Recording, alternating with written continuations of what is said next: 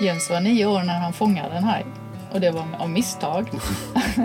han var på däck och så gjorde han eh, liksom ett snöre med en ganska stor krok i. Eller var det en böjd spik? Jag kommer inte ihåg.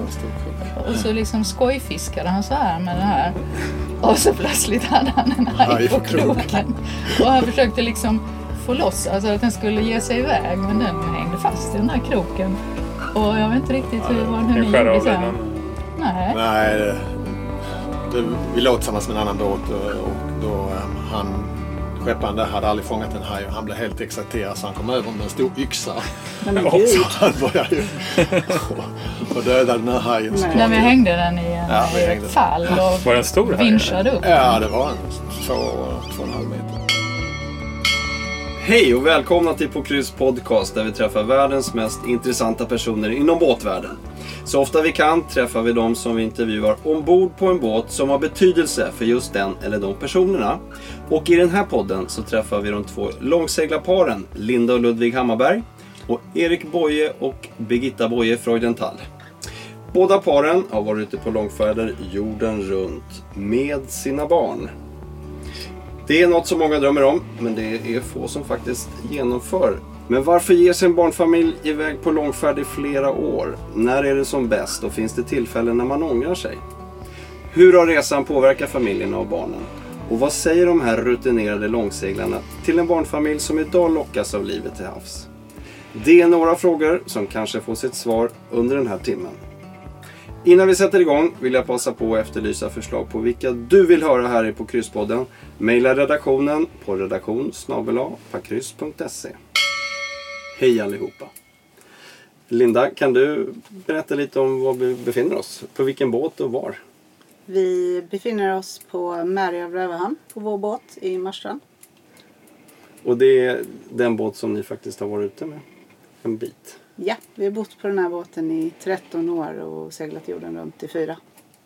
Vi kan väl ta en liten kort bakgrund om er själva. Birgitta och Erik, när, när gav ni er iväg på den första riktiga långresan som familj?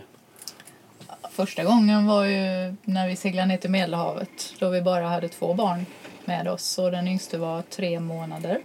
Det var 1987 vi gav oss iväg. Så det var länge sedan och det var bara ett år i Medelhavet men det var en underbar tid. Och då levde vi på föräldrapenning. Just det. Och var det en resa som skulle ta ett år? Skulle ni hem och leva ett vanligt liv sen hade ni tänkt er? Ja, det var meningen. Och, eh, men vi fick ju väldigt snabbt blodad tand och eh, eh, började redan då och diskutera och prata om att, att segla ut genom det här Gibraltarsundet. För det där så att säga de stora haven låg och eh, drömmarna. Så att eh, det började vi faktiskt att diskutera redan då. Och då skulle vi ha en större båt. Det var meningen. Och vi insåg ju att barn sover aldrig bättre än på en båt. Så är det. Vad var det för båt ni hade då? En Concubin 38. Så att den, den hade vi aldrig kunnat segla långt med. Det hade vi inte kunnat göra. Seglade den ner till Medelhavet eller? Ja. Ja. Ja. Genom kanalen? Eh, vi seglade ner till Paris och gick genom kanalerna ner och sen gick vi hem via Marseille till Lübeck. Så att, ehm, och sen seglade vi då bort till Turkiet och sen kom man tillbaka. Så det är ju alltså en introduktion, bättre introduktion till seglarlivet kan man inte få och framförallt som, som eh, med barn tyckte vi det var helt perfekt att starta så. Men d- tanken att ge sig ut med konkubinen genom Gibraltar, den fanns inte riktigt? Inte då nej. Nej. Hur länge dröjde det tills ni gav er iväg med jorden runt Vi hade ju ett projektet? tioårsprojekt. Det tar ju tid att samla ihop pengar och samla ihop mod och samla ihop allt som behövs för att ge sig iväg. Förbereda ett så stort projekt. Det Och gör hit, det. hitta den perfekta båten också. Ja, Eh, och vi ville tid. ha stålbåt och stålbåtar liksom växer inte med träd. Eh, eh, Det, vi var lite kräsna där. Så det är tio år mellan Medelhavet och jorden runt-resan? Ja. Mm. Eh, Linda och Ludvig, när startar er resa? Mentalt? Eh, vi, vi tar en faktiskt, att ni kastar loss. Jaha, 2010. 1 augusti 2010. Och då ger ni er iväg med målet att ta er runt eller var det en kortare?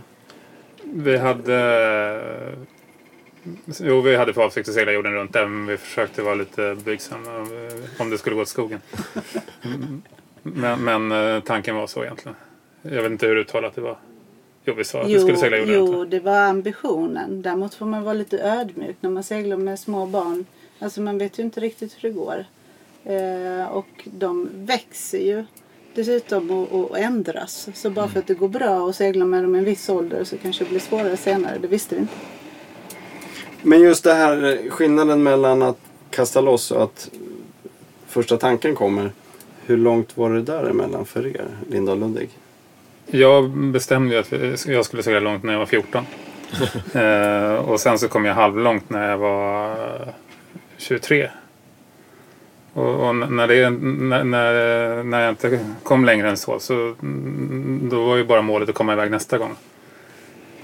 Och, och, på den, och då hann jag ju träffa Linda också. Och eh, ja, jag vet inte hur gammal vi var när vi avseglade, 35 eller något sånt. Jag- Alltså, jag eh, hade aldrig seglat när jag träffade Ludvig. Jag var 22. Men eh, däremot så hade jag rest jättemycket. Både utomlands då och visste att jag ville resa mera. Så att när Ludvig ville segla och jag ville resa så tyckte vi att det borde ju gå att kombinera. Så då provseglade vi då lite grann med den här havsvidran som Ludvig hade. Så min första etapp någonsin gick från Madeira till Azorerna i en havsvidra. När, när Linda flög till Madeira så hade vi, då var avsikten att vi skulle segla in till Medelhavet eh, genom Gibraltar. Men, men sen så medan Linda satt på flyget så eh, blev jag sugen på att segla till Azorerna istället. Eh, och, och det blev så. Så Alltså, att det blev lite mer eh, segling än vad, vad Linda hade väntat sig där. Han hade sålt in det med att vi skulle gå hem via Medelhavet och kanalerna. När jag landade så berättade han att vi skulle till Azorerna. och så sa jag, vad, vad är Azorerna för något? Så jag sa, "Nej, men det är bara några öar utanför Portugal. och eh, ja, jag hann ju kolla upp var det låg men var 17. Så vi gjorde det. Det var det värsta jag gjort i hela mitt liv. men eh, det blev bra till sist. Jag tyckte väldigt mycket om Ludvig. Det hjälpte. Men, men när kände du att det här är någonting som jag skulle kunna göra med... För ni, sen blev ni en familj med barn och gav er iväg. När, när, När, när vi kom hem från seglingen med havsfidran så då började vi leta båt med en gång, större båt.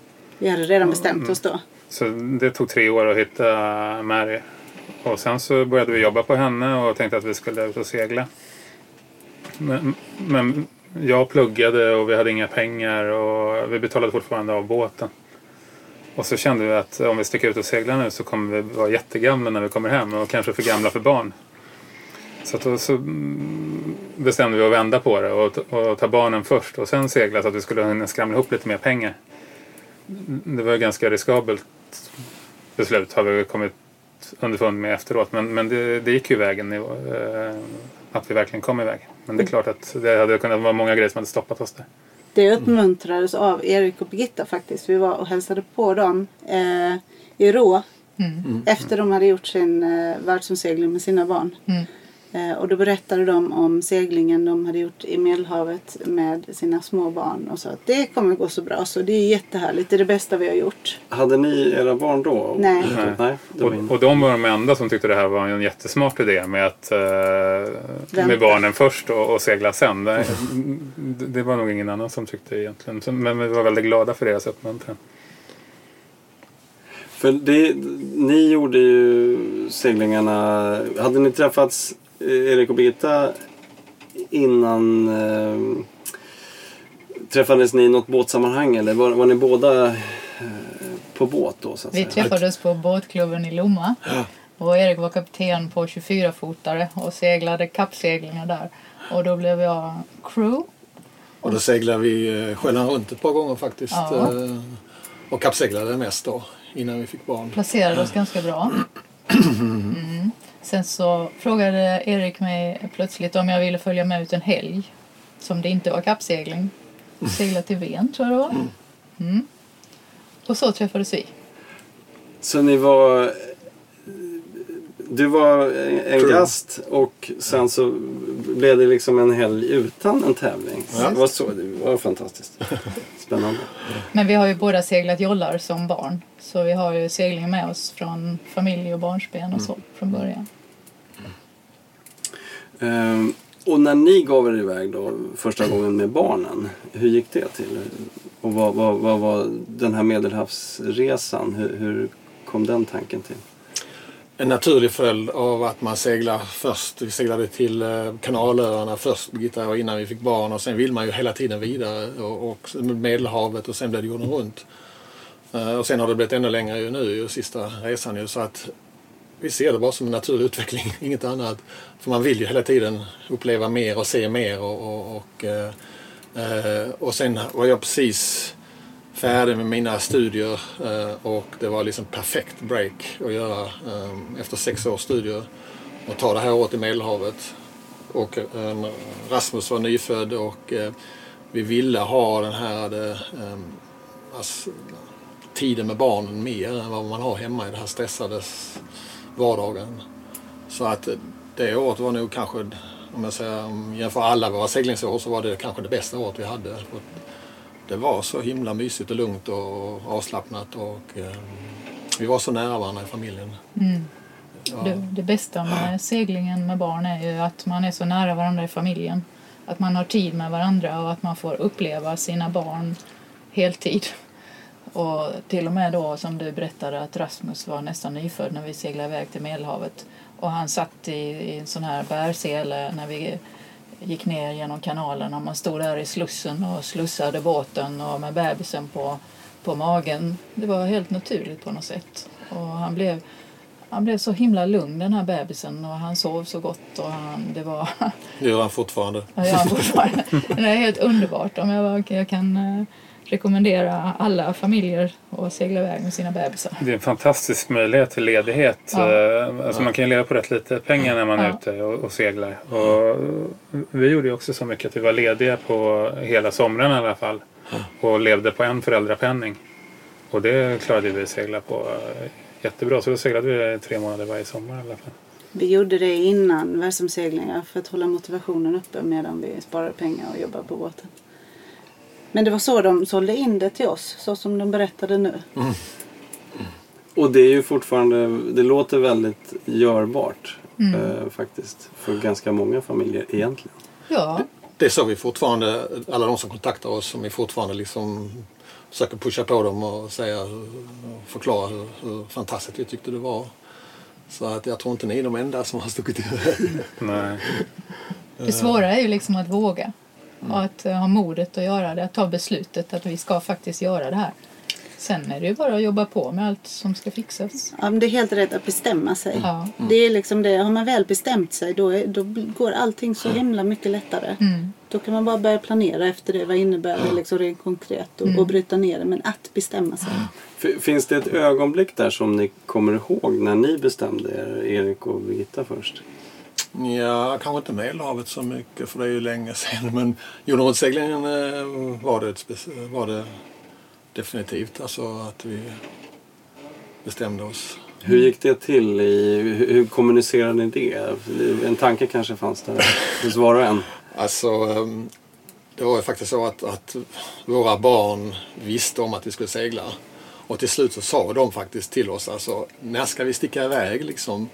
Eh, och ehm, till slut så, så kunde vi liksom inte motstå, liksom. vi var tvungna att ta ett beslut.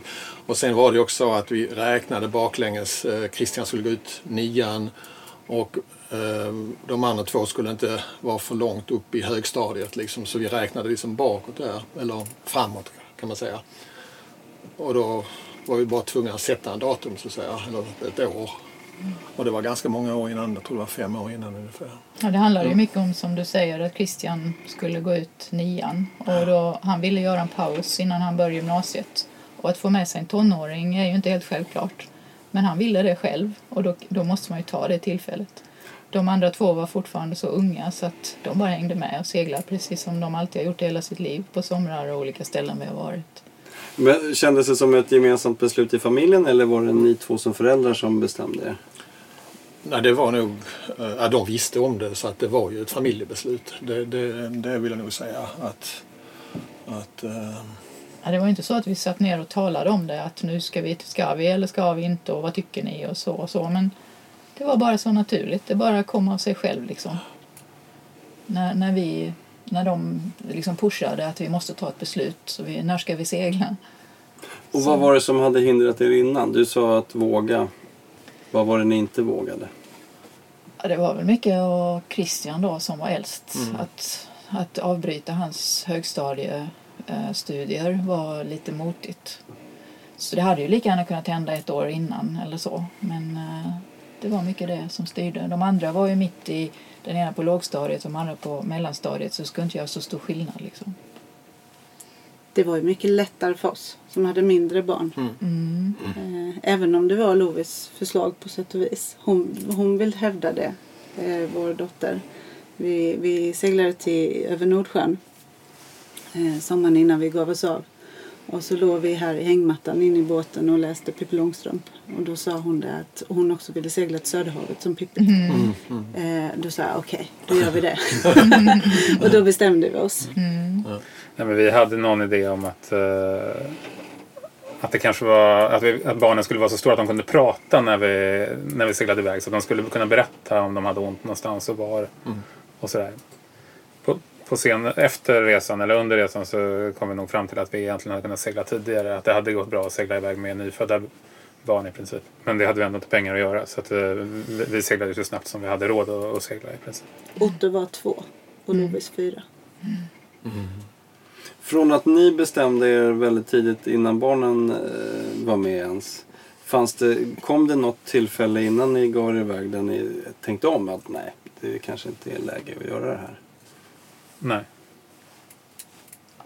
Det, vi hade däremot inget bestämt datum eller en bestämd tid utan vi, vi, vi, vi bara bodde på båten och visste att vi skulle segla iväg någon gång och sen så var det ganska jag tror det var ett och ett halvt år innan vi avseglade som vi sa att nu, nu seglar vi 1 augusti 2010. Mm, nej, det var inte ett och ett halvt år. Det var ju, vi seglade ju till Nordsjön, över nord, till Skottland sommaren innan. Så det var, vi berättade inte det förrän på vintern där. Innan vi, halvår innan vi stack. Nej, vi berättade inte men vi bestämde det lite, lite före. Vi berättade. Ja, kanske. inte officiellt. Men sen blev det så att ni tajmade hemkomsten med eh, dotterns eh, skolgång.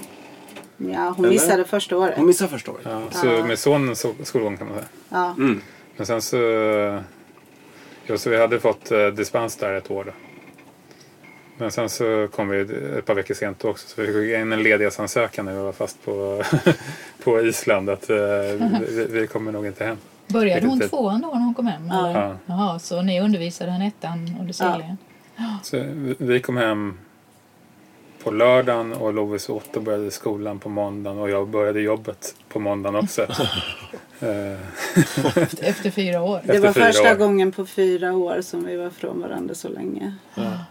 Det var hemskt. Ja. Jättekonstigt. Och framförallt att Lovis och Otto gick till varsin klass. De har ju liksom suttit ihop i alla de här åren. Aldrig Otto varit ifrån varandra. alltid varit skydd av sin stora syster. Ja, så hjärtskärande. De här situationerna, att man kommer från eran eh, verklighet ombord på båten och så kommer man till vardagen i, på fastlandet med skolor och sådär. Hade ni tänkt på det innan ni gav er iväg? Var det en, eh, någon skäl till tvekan att, att man kastas mellan två helt olika liv på ett sätt och vis? Nej, Vi tänkte inte ett dugg på det innan. Däremot tänkte vi på det under, under resans gång. Eh, Men verkligen inte. Innan så tänkte vi bara på att komma iväg. Det fanns nästan ingenting annat som var viktigt. I ert fall, för ni kommer ju från en vardag mer kanske som ni skulle tillbaks till. Skillnaden var att, att vår äldste son hade bestämt att han skulle åka hem efter två år. Christian åkte hem från Australien Eh, för att just börja på gymnasiet för att han tyckte det blev lite för långt med tre år. Eh, så han åkte hem eh, och så då, då diskuterade vi såklart ju hur det skulle vara när de andra kom hem. Men det intressanta är ju att Christian nu efteråt säger att han ångrar lite att han åkte hem. Att han inte fick segla jorden runt som de, sina bröder och att, att han, han skulle gärna vilja ha varit med sista året också. Faktiskt. men hade, han skola ombord eller bara de Nej. två yngre? Han, han utvecklades som människa eh, otroligt om åren och, och eh, han säger själv nu efteråt att eh, han tror att det var han som fick mest ut av de här eh, av den här seglingen i stort. Säger, säger han nu som vuxen. På vilket sätt? Och ändå var det bara två år så säger han var med. Han valde att inte gå i skolan de åren. Mm. Han, han ville ha paus från skolan. men, men han, han, så han var två år äldre än sina klasskompisar Ja. när han började i gymnasiet? Så han kom hem och var väldigt motiverad och mm, så att säga blev lite av kanske en ledarfigur och, och liksom hade ett helt annat självförtroende som inte går Jo, men jag kan tänka mig att det, alltså, det måste ju varit natt och dag mellan honom då, som dels med den Ja. livserfarenheten men också äh, åldersförsprånget. Ja, ja visst. Och, Eh, så det borde nästan vara lite besvärande kan man tänka Nej, men han, det var lite, han var lite blyg som Jaha. ung kille och lite en aning ensam och lite inåtvänd och sådär. Men han utvecklades alltså så enormt under de här åren så att Mm. när han sen kom hem och upptäckte att han var nästan lite ledarfigur och, och hade all, allt det här spännande att berätta och så. Det var jättebra för honom. Mm. Hade han kanske varit en annan person kanske det hade blivit på ett annat sätt, det vet jag inte. Men för honom blev det jättebra. Verkligen. Intressant. Och han lärde ju pappa dyka också ju, så att eh, han, han hade en uppgift ombord. Och nu som vuxen har han redan seglat över Atlanten på egen köl. Det var det läskigaste vi har varit med om vad gäller våra barn. En liten Ja, missil. det- Oj, ja, en missil är tufft. Seglar han själv en missil? Ja, med två kompisar. Ah, Ja. okej. Hur gammal var han då? 23 tror jag han var. Ja, 23, 24. Ja, men det är Men- ändå ett erkännande för er att, att ni har fostrat en son som seglar över Atlanten. Och sen hade han inte råd eller möjlighet att vara ute ett år utan de var bara ute en termin då ledigt från studierna och det var vad pengarna räckte till och så. Så då hittade de på en modell där de fick in den här lilla båten i en container som de skickade över till Trinidad.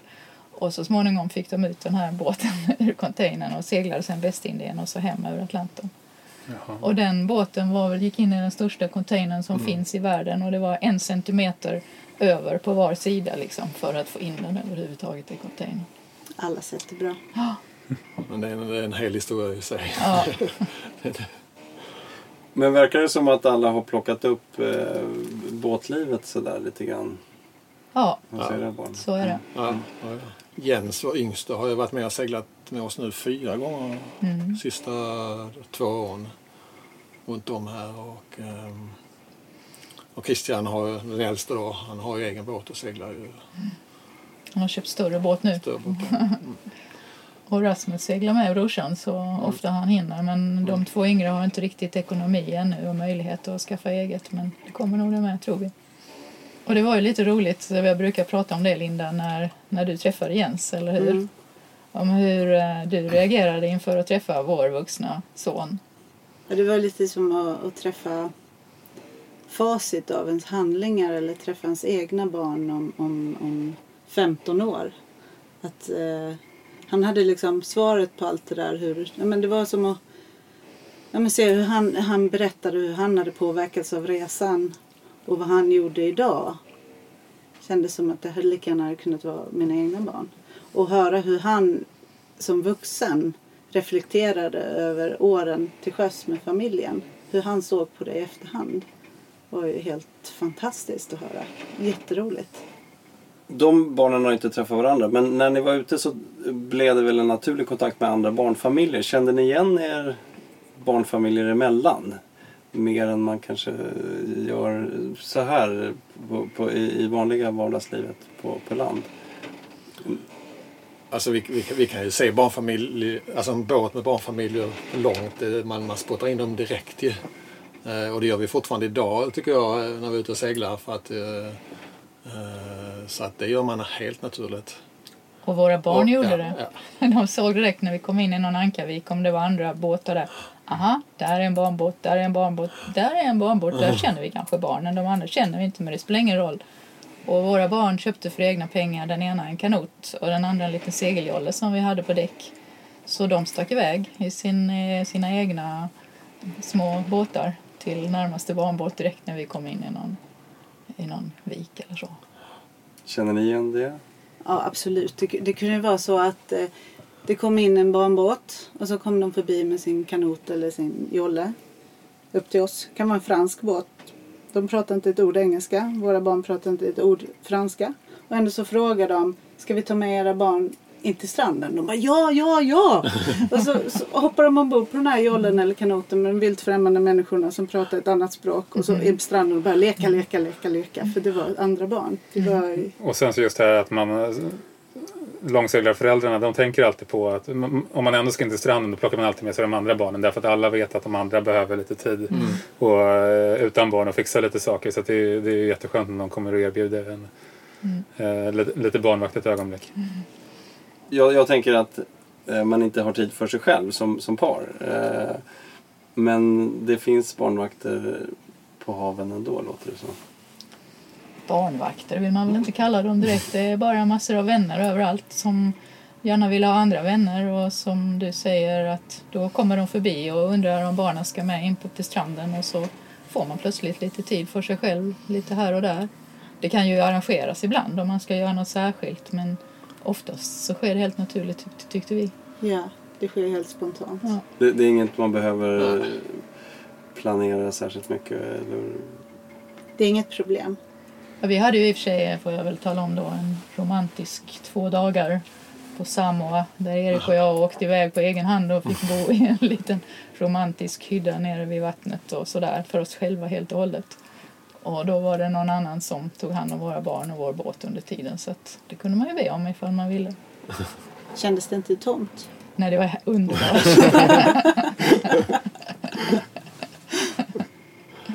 Om, om ni tittar tillbaks, eh, om vi bara vill ha de här eh, det, det starkaste minnet, vad, vad är det för er, Erik och Brita, om ni tittar tillbaks på just Oj, oj, oj. Barn, barntiden till havs? Ass, Ja, jag vet inte. Kanske Robinson Crusoe, kanske. ja, Vi eh, låg tillsammans med eh, två andra barnbåtar på just den här norra Maldivön som vi kom ifrån Sri Lanka. Och så ehm, hade vi eh, från ankarplatsen så tog vi dingarna över till en annan liten ö i atollen. Och där, vi tog ingen mat med oss, ingenting. Och så levde vi där i två dygn mm. innan eh, de sa att vi fick inte lov att vara där. Men vi i två och vi harponerade fisk och vi tog kokosnötter och, och gjorde så att säga ehm, eh, sängar på stranden eh, och lite hängmattor och sånt gjorde barnen. För det var jättemycket krabbor som sprang över oss på nätterna. Eh, och när vi frågade barnen så det där kommer de ihåg alltså. Och de berättar massa historier.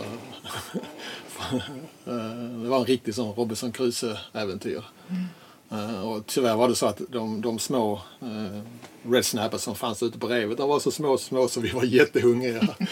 vi fick knappt mat uh, de där två dagarna. nej, det glömmer vi aldrig. Ja. Väldigt speciellt. Det, det låter precis som, som drömmen man har. Att hitta det där stället. Och det var på Maldiverna. Ja, ja. Och det var lite konstigt. Det var väl kanske, det är ju länge sedan nu. Ni har ju andra erfarenheter av Maldiverna så att eh, tyvärr så förändras ju världen på många sätt. Alltså, vi, vi, vi har ju faktiskt inga direkta erfarenheter av Maldiverna. Det var lite roligt för vi seglade från eh, Sri Lanka och, och, och tänkte gå in till Maldiverna. Men, men var lite tveksamma för att vi hade hört att det kostade massa pengar att checka in. Och så när vi var på väg in genom passet och, och var inne i eh, atollen där så, så mötte vi Ambika, en annan svensk båt som var på väg ut. Så vi ropade upp dem på radion och frågade om det var någonting att ha. Då sa nej för sjutton. Så, så då vände vi bara. Eh, fast vi var inne, vi hade ju varit en vecka på havet eller så. Och, och så seglade vi vidare eh, ett antal dygn till Chagos istället. Då. Ehm, Coast Guard ropade efter oss och undrade vad sjutton vi höll på med. Kom vi en båt långt ute från havet och bara gå in och vända i passet och segla vidare. Fyra dygn till närmsta hamn. Det, det låter otroligt när man hör det. Kändes det naturligt att göra det när ni gjorde det? ja, det kändes jättebra. Det, ja. Men de sa att det var, att det var liksom inte, det var inte värt det tyckte inte de. Häng med oss till Chagos istället. Och då gjorde vi Man, det. man kan berätta det om någon ska berätta att de ska på semester på, till Maldiverna och vill skryta lite. Så kan man säga. Men barn Ja, vi, är vi ju... tänkte gå dit men vi struntar i det. Barn är ju så himla flexibla. Det är det som är så fantastiskt med barn. Och jag kan tänka mig när ni sa till Lovis och Otto att nej, vi seglar vidare här fyra dagar. Så var det inte så Men de var så glada att få se Lasse och Arja på Ambika också. Ah. För det var som en extra mormor och morfar. Så de ville ju segla till samma ställe som dem. Så vi seglade tillsammans till Chagos. Så då tog ni eh, och seglade tillsammans med Ambika till nästa? Ja, eller Så- vi seglade rakt ut i ett åskoväder faktiskt och försvann ifrån varandra. Men, eh, Men ni förstod att ni skulle men, men träffas vi, vi var på väg till samma ställe. Ja. Eh, Så det var planen. Ja. Men en viktig sak tycker jag när man seglar, eh, det är ju inte bara så säga, barn och familj utan det är ju möte med djur tycker vi. Eh, och det, det har vi alltid sagt att, att vi, vi, ehm, någon av de största upplevelserna vi har det är just möten med djur. Och när man då tillsammans med sina barn får dyka, eh, alla våra tre pojkar har dykcertifikat, dyka med barn och se valar, hajar och sånt. Och, och jag tror nog det att det kanske är där som de största upplevelserna är faktiskt. Eh, och ehm, ehm, även se, se sina barn första gången de harponerar fisk och sådär. Liksom det, det är obeskrivbart alltså. Fast jag kommer ihåg de gångerna när vi snorklade i reven på Raroja i och Man ser revhajarna snorkla runt, eller simma runt de här korallhuvudena. Man ser dem och första gången är de kanske 20 meter bort och nästa gång de kanske 15 meter bort så man har dingen med sig i en tamp för att snabbt kunna hoppa upp i den om de kommer nära. Så jag tänkte efteråt, hur fasen vågade jag simma runt, snorkla runt med våra barn. Hur vågade vi snorkla där med hajarna 10 meter bort ut på Fast slutet? de var inte intresserade. Nej men jag vet ju det men det är ju... Ja, fast de låtsas bara vara ointresserade. De försöker se, de försöker se ointresserade ut. Var, första, det var faktiskt Otto föddes lite vattenrädd ironiskt nog. Eh, aldrig tyckte om att så här, duscha och var rädd för att få vatten över huvudet. Så att, men samtidigt som man älskar fisk. Ja. Så att eh, vi tyckte det var så synd att han, att han inte ville snorkla. Han var ju så liten Han missade hela undervattensvärlden men Men var ju otroligt fascinerad. Ja, och han älskade ju allt som hade liksom med, med delvi, delfiner och valar och fiskar och hajar att göra. Och, samtidigt som han inte riktigt vågade stoppa ner huvudet. Ja, Och det som fick honom till att övervinna den rädslan det var när vi var och snorklade med, med hajar på ett ställe. Då kunde han bara inte hålla sig längre. Eh, så att det, det var den gången han började faktiskt. Det var så börja roligt för, han blev så exalterad varenda gång han såg fisk så han började prata jättemycket. Och, och, så, och, ja, så att han, han, han, satt eh, ner på någon sån här avsats eh, och, och, och tittade igenom eh, cyklopen då, och med snorken i munnen. Men så började han ju babbla och så, och så fick han en kallsupa och så fick han prata det. Ja fast ändå var det den, det var liksom den magiska dagen. När han, Ja, och sen när han hade suttit där i några timmar och tittat då kunde man bara dra ut honom så kunde han eh, liksom följa med ut i strömmen och, och, och, snorkla på riktigt också. För, för då var det avklarat. då var han var ja, tre, fyra, fyra år. Mm. Jöns var nio år när han fångade en haj. Och det var av misstag. han var på däck och så gjorde han eh, liksom ett snöre med en ganska stor krok i. Eller var det en böjd spik? Jag kommer inte Ja, ihåg. stor krok. Och så liksom skojfiskade han så här med den här. Och så plötsligt hade han en haj på kroken.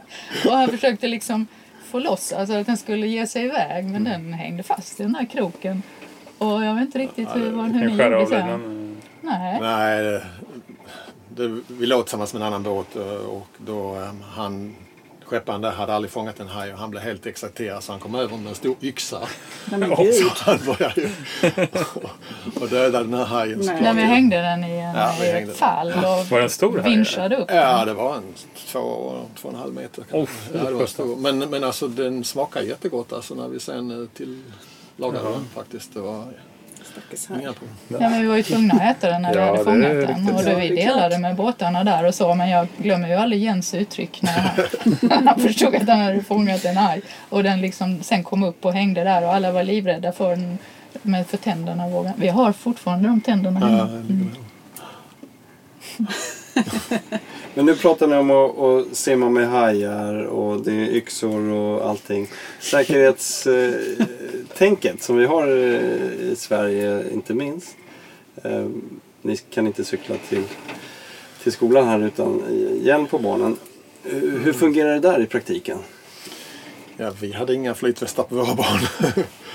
Eh, De var ju så pass stora också, det hade inte funkat. Eh, Jag vet att ni hade det, eh, var väldigt stränga med det och det, hade vi säkert också varit om barnen var mindre men, men eh, vi hade inte det. Ja, nej, det var Eh, och- riktigt och, dåligt. När, det var, när vi seglade och det var dåligt väder och vi på den, det var en annan sak så att säga. Eh, när vi var ute på havet.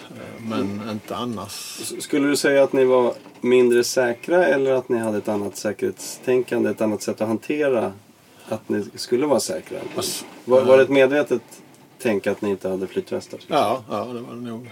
För vi, vi är otroligt, eh, så att säga, säkerheten ombord har alltid varit väldigt viktig för vi har ganska mycket folk ombord och sånt som har seglat med oss. Så att allting när det gäller säkerheten på båten, eh, alltså brandsläckare och, och, och man över bordräddningar och sånt som vi alltid övade och sånt. Det, det, men just, vi, vi kände oss väldigt trygga med våra barn och att eh, våra båtar kanske lite också. Våra sittbrunnar är ganska stora och liksom eh, väldigt... eh, vi har en sittbrunn där de alltid lekte i. Vi har två sittbrunnar. Och den är väldigt skyddad på något sätt kände vi. Så vi, vi, vi kände aldrig något behov av att sätta på de flytvästarna när vi seglade.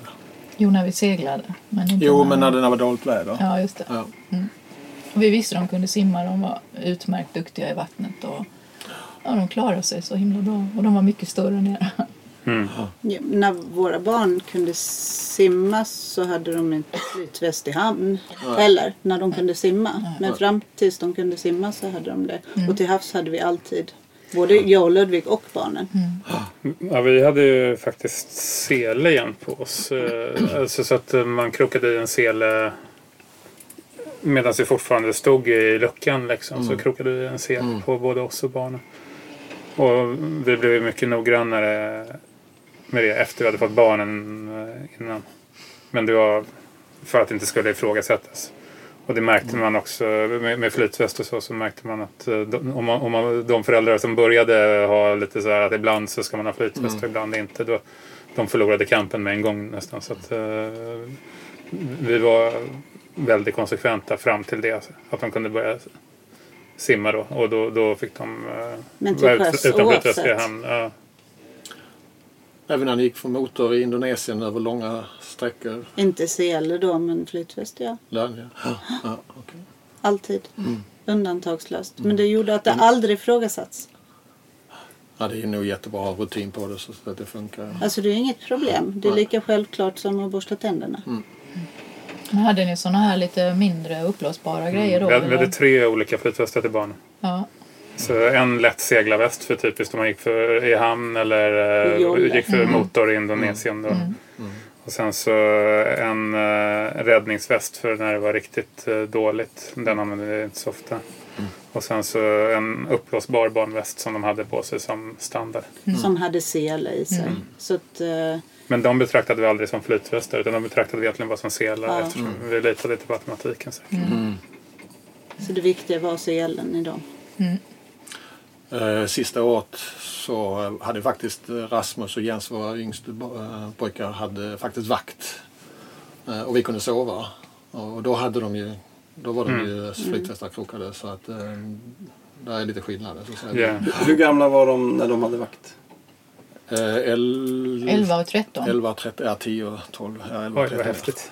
Men de hade det tillsammans. Alltså det var Ja. inte någon av dem som stod ensam. Och det var morgonvakt och kvällsvakt, aldrig mörkervakt.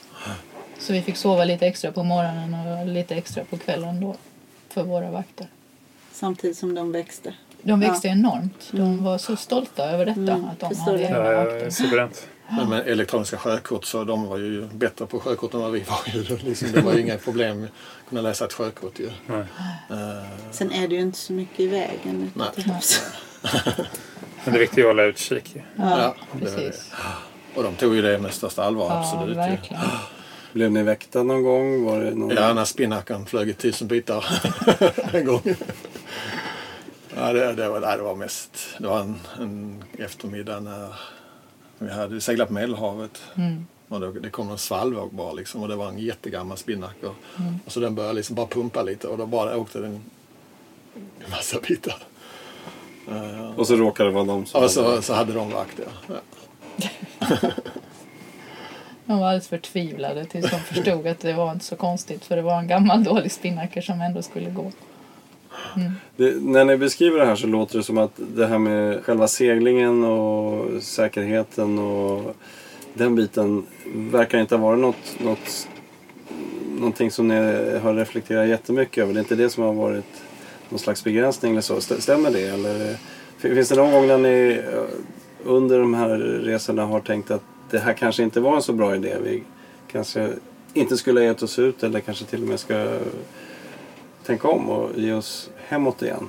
Jag hade ofta enorm ångest eh, ibland när vi skulle ge oss ut på svåra etapper och fatta beslutet. Är det, är det bra att gå nu eller ej? Jag kunde ladda ner väderleksrapporter tio gånger om dagen. För att jag kände att det var ett så viktigt beslut.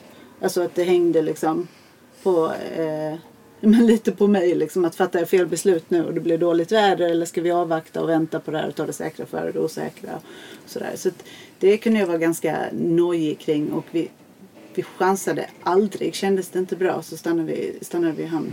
Men ibland, vissa platser är det väldigt korta väderfönster och då måste man fatta snabba beslut. Och det är tunga beslut för det, är ju, inte- det rör ju inte bara oss vuxna utan man har ju också barnen med sig och då blir det tyngre än om man inte har det. Det blir ett större beslut. Så att eh, oss påverkade det absolut att vi hade barnen med. Jag tror vi hade seglat på ett annat, kanske tuffare sätt annars. Och nästan allt handlar om säkerhet. Sen så självklart så är det ju kanske det är säkrare att sitta hemma än att segla iväg. Men, men efter de, det valet vi hade gjort så, så ansträngde vi oss verkligen att göra det på det säkraste sättet som vi bara kunde komma på. Allting handlade mycket, alltså man kan prata om, om flytvästar och liksom nödutrustning och sådär. Men det är inte så viktigt. Det viktiga är ju att båten är säker. Och att man fattar rätt och kloka beslut. Eh, så att vi, vi jobbade jättemycket på att hålla båten säker. Sen liksom det kosmetiska fick ibland stå åt sidan. Men men- att hela tiden hålla båten säker. Så att om vi tar hand om båten så tar den hand om oss. Så det var väldigt fokus på det. Och sen då att segla fatta rätt, rätt segla beslut. av eh, rätt tid, ändra planer om det kommer ett... Eh, om det visar sig svårt att segla dit vi har tänkt så kanske man får segla åt ett helt annat håll. Eller i värsta fall till och med vända och, och så vidare. Men att vara hela tiden flexibel i eh, planeringen. Det finns med en hela tiden tycker jag. Alltså på så sätt är det inte så avslappnat. Tycker inte jag. Men det, det finns ju de som seglar, särskilt de som seglar mycket charter, de kör ju ofta enligt nästan en tidtabell och, och vi har gjort precis tvärtom. Vi har aldrig kunnat säga att vi ska vara någonstans vid en viss tidpunkt. Var det någon skillnad på när ni började seglatsen? Det här med avgångsnojan. Var den lika stor när ni skulle gå sista månaden hemåt som första månaden? Är det någon skillnad där? Större. Vi blev noggrannare och noggrannare och erfarenare och, klokare. I början så fattade vi en del felaktiga beslut eh, eftersom vi inte hade erfarenheten utav vad som händer om man gör det. Men känner ni också att båten var i bättre skick när ni kom hem nästan? Ja, Ja, så, så, så är det oftast alltså. Tycker i alla fall på de väsentliga, på de viktiga delarna var den i bättre skick när vi kom hem. Sen Ja. var det mycket annat som hade fått stå åt sidan som egentligen inte var viktigt. Ja. Och det, det tror jag handlar om att inför en, en avsegling så Så man försöker klar. Nej, men också att man försöker fixa allt. Alltså att man har inte fokus på vad som verkligen är viktigt. Nej, att det märker man efterhand. Vad som egentligen behövs. Vad som, ja men det är, ju, det är ju motorn och riggen och seglen och självstyrningen som måste funka. Allt det andra är ju sekundärt på något vis. Och då ser man till så att det är riktigt bra. Ja, men det tar nästan ett år innan man är i kapp. Alltså, Minst alltså. Är det för varje resa? Ni hade ju varit ute i Medelhavet ett år. Fick ni starta om på nytt när ni gav er iväg mot jorden runt-projektet? Ja, fast vi hade ju vår båt i, hur många år hade vi den nu? Sex år nästan. Innan vi seglade. Ja, innan vi seglade, Ja, ja. alltså den nya båten. Var Ariel långfärdsutrustad när ni köpte? Ja, den, den hade ju gått eh, ett varv redan. Ja. Eh, Men det var med sju unga killar och en tjej. eh, Så att de, de stod och styrde och de hade en liten GPS och inget annat. Ingen radar, ingenting. Så det fanns absolut ingenting. Så att den, den fick vi totalutrusta. Mm. Så därför tog det så lång tid. Men som svar på din fråga där med, oro och vad man kan fundera över och så, så är det såklart båten och allt detta ni har pratat om nu men jag hade åtminstone en annan typ av oro som, eftersom våra barn var lite äldre. Alltså hur kommer detta att bli? Att ta dem från sina kompisar, från klassen där de går, från det sociala sammanhanget och ta ansvar själv för att undervisa dem. För de, vi hade lovat dem att de skulle få komma tillbaka till sina klasser när de kom tillbaka och inte behöva gå om klasser och sådär. Så vi skulle alltså stå för undervisningen och vi skulle på något vis se till att de mådde bra, fick sociala sammanhang. Det var jag orolig för i början, att inte vi skulle klara. Men sen blev det ju lättare och lättare efterhand som vi upptäckte att vi träffade alla de här barnbåtarna och de fick massor av kompisar och det visade sig att det gick bra med skolan, att vi kunde ge dem förutsättningar för att lära sig det som de skulle. Vi hade ju fått instruktioner med oss från skolan att de ska kunna det här och det här och det här. Och det här. Så vi var ju lärare då ett tag utan att riktigt veta hur man skulle göra. Det är svårare än man kan tro. Svårare? Äh, Jag tyckte att det är svårare att lära ut. Jag har mycket mer respekt för lärare idag än innan. Alltså Alltså, vi- de rent pedagogiska tricken tyckte jag var svårare. Däremot så var det inga svåra saker. Nu hade ni ju mindre barn. Ja. För vi tyckte inte det var svårt, tvärtom. Jaha. För våra barn lärde sig själv. De var väldigt motiverade och, Ja. och, ehm, och eh, drivna och att de ville, ja, de, de, de såg ju skolplanen själv och, och visste vad de skulle gå igenom. Och när de kom hem och visade fröken att vi har gjort allt det här och så Oj, ja men det har inte vi gjort i skolan hemma. Så Nej, man, man, vi, nu var ju våra barn så små men vi upplevde ju att det var, ju, det, var, det, det var ju jättesvårt att hinna med så lite som uh, stod i skolplanen. Alltså, det, det där gjorde vi hur snabbt som helst det som vi skulle göra liksom. Och, och då förstod vi att det, det hade gått alldeles för fort allting. Men, men sen så bromsade vi in på slutet lite grann. Man, eh, vi var ju två lärare på två elever. Det är klart att man hinner med lite mer. Ja, och på eh, förskole och Det var väl låg, låg nivå. Men jag tyckte att de så här basala saker som man själv tycker självklara som tiotalsövergångar. Hur lär man ut det? Alltså sådana enkla trick. Mm, okej. Eh, men, men i övrigt så var det ju tidsmässigt var det ju inga problem och inte kunskapsnivåmässigt Vi, heller. vi hade ju bara skola eh, när vi seglade så att så fort vi var i hamn så, så var det lov. Mm. Eh, och, och sen så, så det var ju bra tidsfördriv eh, medan vi var ute och seglade och så var det skönt att inte ha skolan när man var i hamn och ville upptäcka det landet som man var i. Det största problemet vi hade som jag minns det var när de enligt skolplanen skulle lära sig hoppa längd och höjd och spela olika bollspel och sådär. Och jag glömmer aldrig den höjdhoppsställningen som du konstruerade av några gamla bommar Båts, eller båtsakarna. båtsak och sådär. på stranden på någon atoll. Och det skulle gå att lära sig hoppa höjd och så skulle den där grejen kunna ramla ner och sådär. Vi fick inte så noggranna instruktioner. Vi fick faktiskt inga alls. Eh, däremot märker vi att vi har missat vissa saker. Vi, ja, men som hoppa hopprep har vi glömt att lära våra barn. Det finns ett antal saker som vi har liksom glömt bort. Så Ja, det är kanske är bra att ha så. så.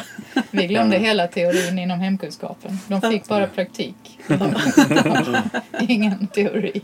Ja, de fick ju laga mat varannan dag. ju. Jo, men de fick inte lära sig om olika vitaminer och vad det var för någonting. När ni tittar tillbaks och vad ni oroade er för eller trodde skulle vara viktigt.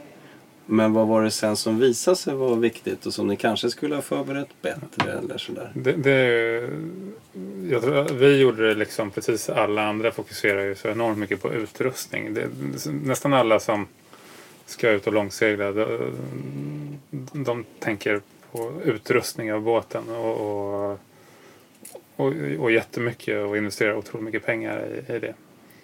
Och, och, och det, det är ju inte så, eller en viss, det finns en viss mängd utrustning som är viktig men, men, men det finns jättemycket som är oviktig också. Och framförallt så kan man lösa det på vägen om det är så att man eh, om det är så att man absolut saknar en watermaker så kan man lika gärna köpa den på Kanarieöarna som att hålla på och jobba med den här hemma och planera för det. Så att eh, det är ju det är bra att lägga mindre fokus på det och mer fokus på att komma iväg. Har ni något exempel? Förutom höjdhoppstekniken där. när vi sitter lite med facit i hand och vi vet att allting gick bra. Just att, eh, jag vet inte riktigt några direkt um, sömnlösa nätter innan. Det var ju mer att bli färdig i tid och, och, och um, alla som sticker iväg, som vi sa tidigare, ingen är färdig utan man, man seglar oftast över. Vi, vi seglade bara över till Helsingör och la oss där och pustade ut i en vecka innan vi kunde komma vidare. Eh, från för allt det sista som måste göras och sådär. Men um, det är klart, nu var det ju kanske en viss fördel att jag har medicinsk bakgrund just som läkare. Så att, eh, men jag var lite bekymrad just över liksom malaria och allt den där biten, eh, hälsobiten. För jag visste väl kanske antagligen lite för mycket. Eh, så att eh, eh det kunde jag bekymra mig för barnens skull såklart. Ja. Eh, Tycker men, du att det var obefogat? Ja, det är det ju. För så är det ju när man väl kommer ut och möter verkligheten. Det är ju likadant som nu med, med allt möjligt med eh, som världen ser ut idag, att det är farligt att segla överallt idag. Men sen när man väl kommer dit, vi är i Filippinerna nu och visst är det obehagligt där men det, alltså, vi klarar av att leva där och bo där med båten. Ja. Just med malaria är ganska praktiskt att vara på en båt egentligen eftersom man alltid är en bit utanför vegetationen när man är på båten. Ja. Och I alla fall som vi som har en barnfamilj så var vi oftast när det skymde sådär så var vi oftast redan tillbaka på båten. Så mm. Jag tror inte vi var lika utsatta som... Men, men det, där är ju det stora problemet uh, idag, denguefeber istället. Jag, var, jag, ja, blev mindre, min, jag blev mindre och mindre bekymrad över malaria för det, det kan man ju faktiskt bota. Mm. Och det visste jag. Men denguefeber, det är inte kul att ha. För att har du fått det en gång så kan du liksom riskera att, att uh, du får sluta segla för om du har fått fel typ av dengue. Mm. Och det är ganska är många seglare som får dengue. Ja. Mm. Men du sa en intressant sak när man väl är där. Mm. Så, så är det inte så farligt. Nej. Och det tror jag är ett jätte, jättemisstag. Att man målar upp och planerar mm. hela långa mm. resan. Och det behöver man ju egentligen inte. Nej. Alltså sitter man här hemma i Sverige då är då är Indiska oceanen full med mm. pirater. Ja, ja. Men ju närmare man kommer desto mindre blir det här mm. området och ju mer information, mm. mer relevant information får man. Och så inser man att det här är ju knappt något problem, det är ju bara ett litet hörn. Mm. Och så är det med allting tycker jag. Att ju närmare man kommer det är då man är mer mottaglig för rätt information och träffar rätt personer. Mm. Så att egentligen behöver man bara bryta ner den här resan i liksom ta ett steg i taget. Mm. Och ha en mm. grov plan som är mer kopplad till säsonger och, mm. och liksom vindar och strömmar. Mm. Men att mm. resten kan man ta efterhand för man kanske ändå ändrar sig och vill gå åt andra hållet. Och det är ju samma sak med hajarna som jag pratade om innan som man kan tänka möjligen hemma som förälder. Att oj oj oj ska man simma med barnen med hajar. Det finns krokodiler i Australien, det finns farliga ormar här och där. Det finns drakar på Komodoöarna och allt möjligt. Men när man kommer dit och får som du säger den informationen och lär sig att hantera de här situationerna och möta djuren eller vad det nu är för någonting. Då är det ju ingen fara. Nej, det, då är det plötsligt inte alla hajar som är farliga utan, och inte i alla situationer. Nej. Och kanske folk som seglar till Sverige har hört talas om huggormar och är jätterädda för dem eller alla myggen som finns här eller något sånt där, det vet mm. inte jag. Men världen är ju mm. som, som liksom när man väl kommer dit så är ju det hemma där också mm. för de som bor där och så kan det bli det för oss. Ja, vi har haft väldigt få sådana obeha riktigt obehagliga situationer under resan faktiskt. Mm. Och samma här egentligen. Ja, nej, vi hade inte något, någon större incident. Så. Och det var inte där vi väntade oss i alla fall som vi hade problem. Det var inte på Indiska oceanen som vi stötte på jobbiga människor och så. Vad var det då? Thailand och Galapagos. Alltså, Galapagos av alla. Galapagos? Ja, på Galapagos hade vi fruktansvärda problem. Nej. Vi hade lite otur. Vi blev rammade av ett, en sån här stor kryssningsbåt. Eh, och där skepparen kanske inte var ombord som han skulle och försökte därmed lägga över ansvaret på oss och så blev det en ganska mm. hotfull situation för han riskerade att bli av med jobbet och så är det korrupt. Och, mm. Så det, det, blev väldigt svårt och krångligt så vi fick faktiskt närmast fly ifrån Galapagos. Eh, ja men de körde maffiametoder mm. för att skrämma oss och, och, man är ju ganska utsatt i främmande land med Absolut. två små barn och så så att det blev att vi flydde därifrån. Vi hade väl det största stölden ombord som hände oss var i Norge. Ja, det är ett fruktansvärt land. Vi hade, Jag älskar Norge. vi hade fyra nya jättestora, jättefina vita fändrar som hängde ut över till sidan när vi seglade till Norge som första land på resan. Och så låg vi i någon av de första hamnarna, behöver inte prata om exakt vilken det var. Och så sov vi och så nästa morgon när vi vaknade var alla de fina vita jättenya fändrarna borta. Borta. Ja, taskigt. Ja, det var inte roligt. Vi fick ju våra inombordare snodd i Thailand. Det, det bräcker Ja. ju några fendrar. Ja, det gör det ju faktiskt. Hur gick det till? En inombordare i Thailand? Nej, Ja. ut- utombordare. Nej, inombordare. inombordare. Inombordare? Ja, Hur kunde det gå till? eh, vi eh, hade jättemycket att göra och anlitade en hjälp för att göra en, lyfta ur motorn och göra en service på den. Vi fick aldrig tillbaka den. Nej, han, han, vi hade ett fast pris och tid, han hade två veckor och skulle fixa allt på motorn. Och, och, men så fort han hade fått ur den i båten så gjorde han ingenting och så höjde han priset. Så, så gav honom 5 000 kronor eller något sånt där i, i, i förskott. Då. Men då så höjde han det ytterligare och, och jobbade inte eh, alls. Så, så att det blev att eh, vi vågade inte betala honom mer pengar. Eh, För jag trodde bara han skulle bara fortsätta att mjölka ur oss mer och mer. Så det slutade med att vi köpte en ny motor och stal tillbaka den gamla och sålde till en annan konkurrerande mekaniker. Och fick fly därifrån också. Och den gamla var då i delar och det saknades delar plötsligt på den och okej. sådär. Så det hade aldrig kunnat bli bra. Men det var jobbigt. Och. Osannolikt och jobbigt låter det som. Och sen vad gäller min oro för barnen där och det sociala sammanhanget och skolan och allt det där så var det ju totalt obefogat eh, som svar på din tidigare fråga här. För de bara utvecklades hela tiden. De hade massor av kompisar och de lärde sig massor i skolan med egna initiativ. Och ja, jag tycker att barn verkar må mycket, mycket bättre ute på haven än vad de gör hemma i skolan. Vi kallar dem ju för kidboats, eller kid... Boat kids, of course. Ja, alla boat Boat kids. kids. Och eh, det som är intressant med, med Boat Kids är ju också att eh, eh, de eh, lär sig kommunicera med vuxna också väldigt på ett annat sätt som de, gör, som de inte, kanske inte gör här hemma. Eh, som man, eh, och det tycker jag är jätteintressant. Att de här barnen, det spelar ingen roll vilken ålder, liksom, så, så kan de kommunicera med vuxna på ett helt annat sätt. Naturligt. Eh, jag vet inte om ni upplevt det också. Eh, Våra barn kanske var lite små för det. men när ni träffar andra, Mm. andra barn? Ja, absolut. På, på andra båtar har vi märkt det. Och, och i mångt och mycket så tycker jag att det är en mycket sundare och naturligare miljö att växa upp i än, än den miljön som barn lever i här hemma. Eh, De det- leker ju mycket över åldrarna. Mm. Och eh, över olika kulturer och eh, olika språk och, och leker tillsammans liksom, oavsett bakgrund. Och det är väldigt fint att se. Våra barn lekte mycket med lokala barn också. Eh, och det, det är väldigt fint att se. Men om man återkopplar till det vi pratade om tidigare. Alltså inga utav de problemen vi hade på vår resa, alltså svårigheterna, var kopplade till att vi hade barn med. Tvärtom nästan att de gjorde det nästan lättare att lösa de svåra situationerna. Man, skulle man liksom prata med någon jobbig myndighetsgubbe så tog man med ett barn i handen och så. Ja. Det. Hjälpte det lite.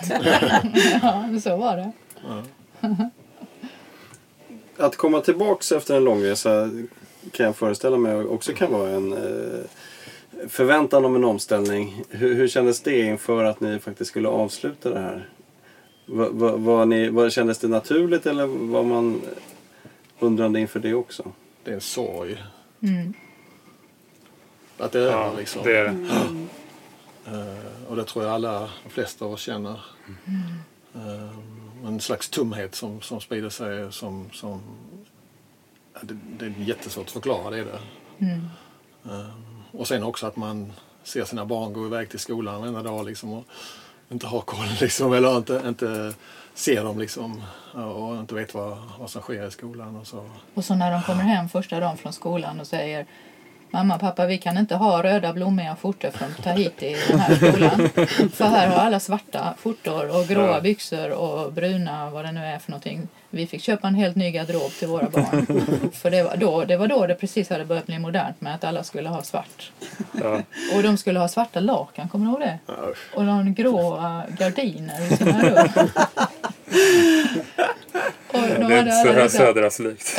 underbara glada färger på kläderna när de kom hem och så. Otto kom hem efter två veckor och sa Mamma, mamma, mamma, det finns något som heter ledighetsansökan. Det är bara, att fylla i och så sticker vi. Men det gick bra. Då hade vi varit hemma ungefär så länge som vi brukade vara i en hamn. Så då var Ja, det liksom läge att, att dra vidare. Han tyckte det var dags. Nu räcker det ungefär. Ta ett tag, det är jättefint men nu drar vi. Men den där sorgen du pratade om, gör man någonting av den? Blir det någonting ur det? När man väl kommer hem? Ehm, för oss innebar det ju att vi, ehm, vi har inte slutat att segla ju. Uh, därefter så gjorde vi femårsplaner. Uh, efter fem år seglade vi till Svalbard och seglade runt Svalbard.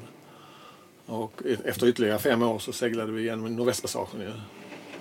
Och sen har det gått fem år sedan dess och nu är vi ute i Stilla havet igen. Och att vi valde Svalbard den gången efter den första femårstiden det var ju för att vi nu hade barn i tonåren. Mm. Så vi kunde inte segla iväg och lämna dem såklart utan vi var ju tvungna att segla någorlunda nära hemma och någorlunda kort period ändå så det blev ju sommaren, en sommar då. Två Två somrar Två långa somrar. med fyra månader var det och då kunde vi liksom få ihop det med tonåringar och bo några veckor hos någon vän och sen komma ut till oss och liksom få ihop det och så. Så mycket handlar om barnen hela vägen. Vi seglar ju väldigt mycket nu. Vi seglar ju varje helg det är segelbart väder. Mm. Och vi känner att vi behöver den här tiden tillsammans Mm. som familj. Att vi mår väldigt, väldigt bra utav Mm. det. Och komma ut och att barnen tycker också om det. Och att det ger jättemycket att vara ute eh, bara en helg. Mm. Och det är ju den sorgen som du talade om förut när man inte kan vara med sina barn för att de måste gå iväg till skolan och man själv måste gå iväg till jobbet och man liksom splittras som familj mer och mer efterhand. Mm. Så att ni kan ta vara på det då på de helgerna som vi beskriver, det låter härligt. Nu har vi haft jättetur också för att AL 3 ligger i vår hemmahamn.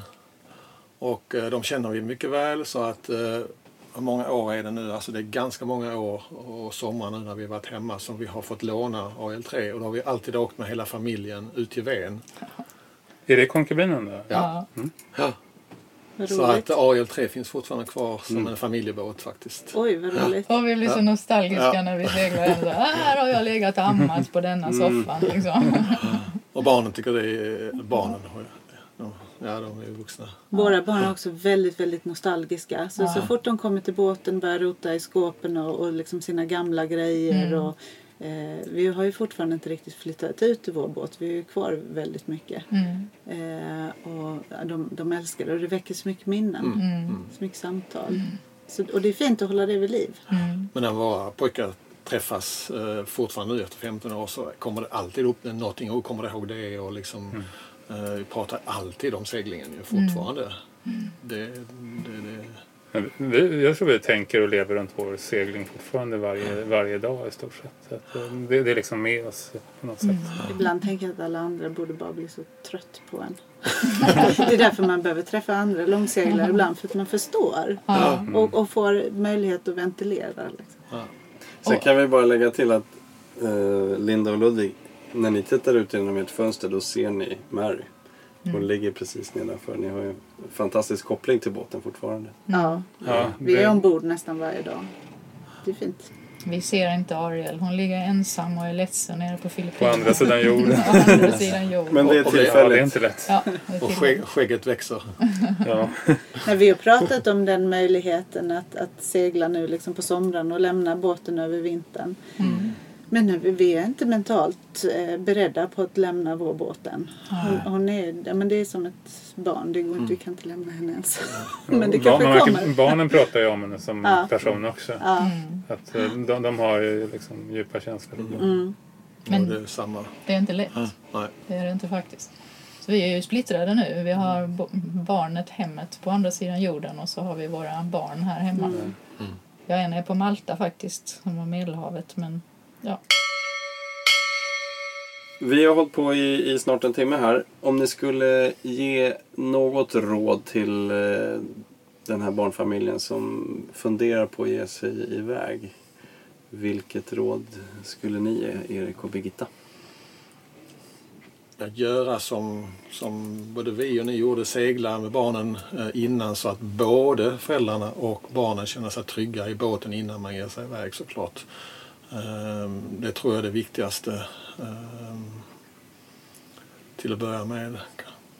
Och också att man tar det helt naturligt. Att man inte gör så stor grej av det. Oh, nu ska vi segla iväg om tre år eller sådär. Utan ja, man bara seglar på somrarna och så mycket man kan och sen så ja, nu seglar vi iväg. För, för barnen tar det så naturligt på något sätt. Så det måste vi också göra.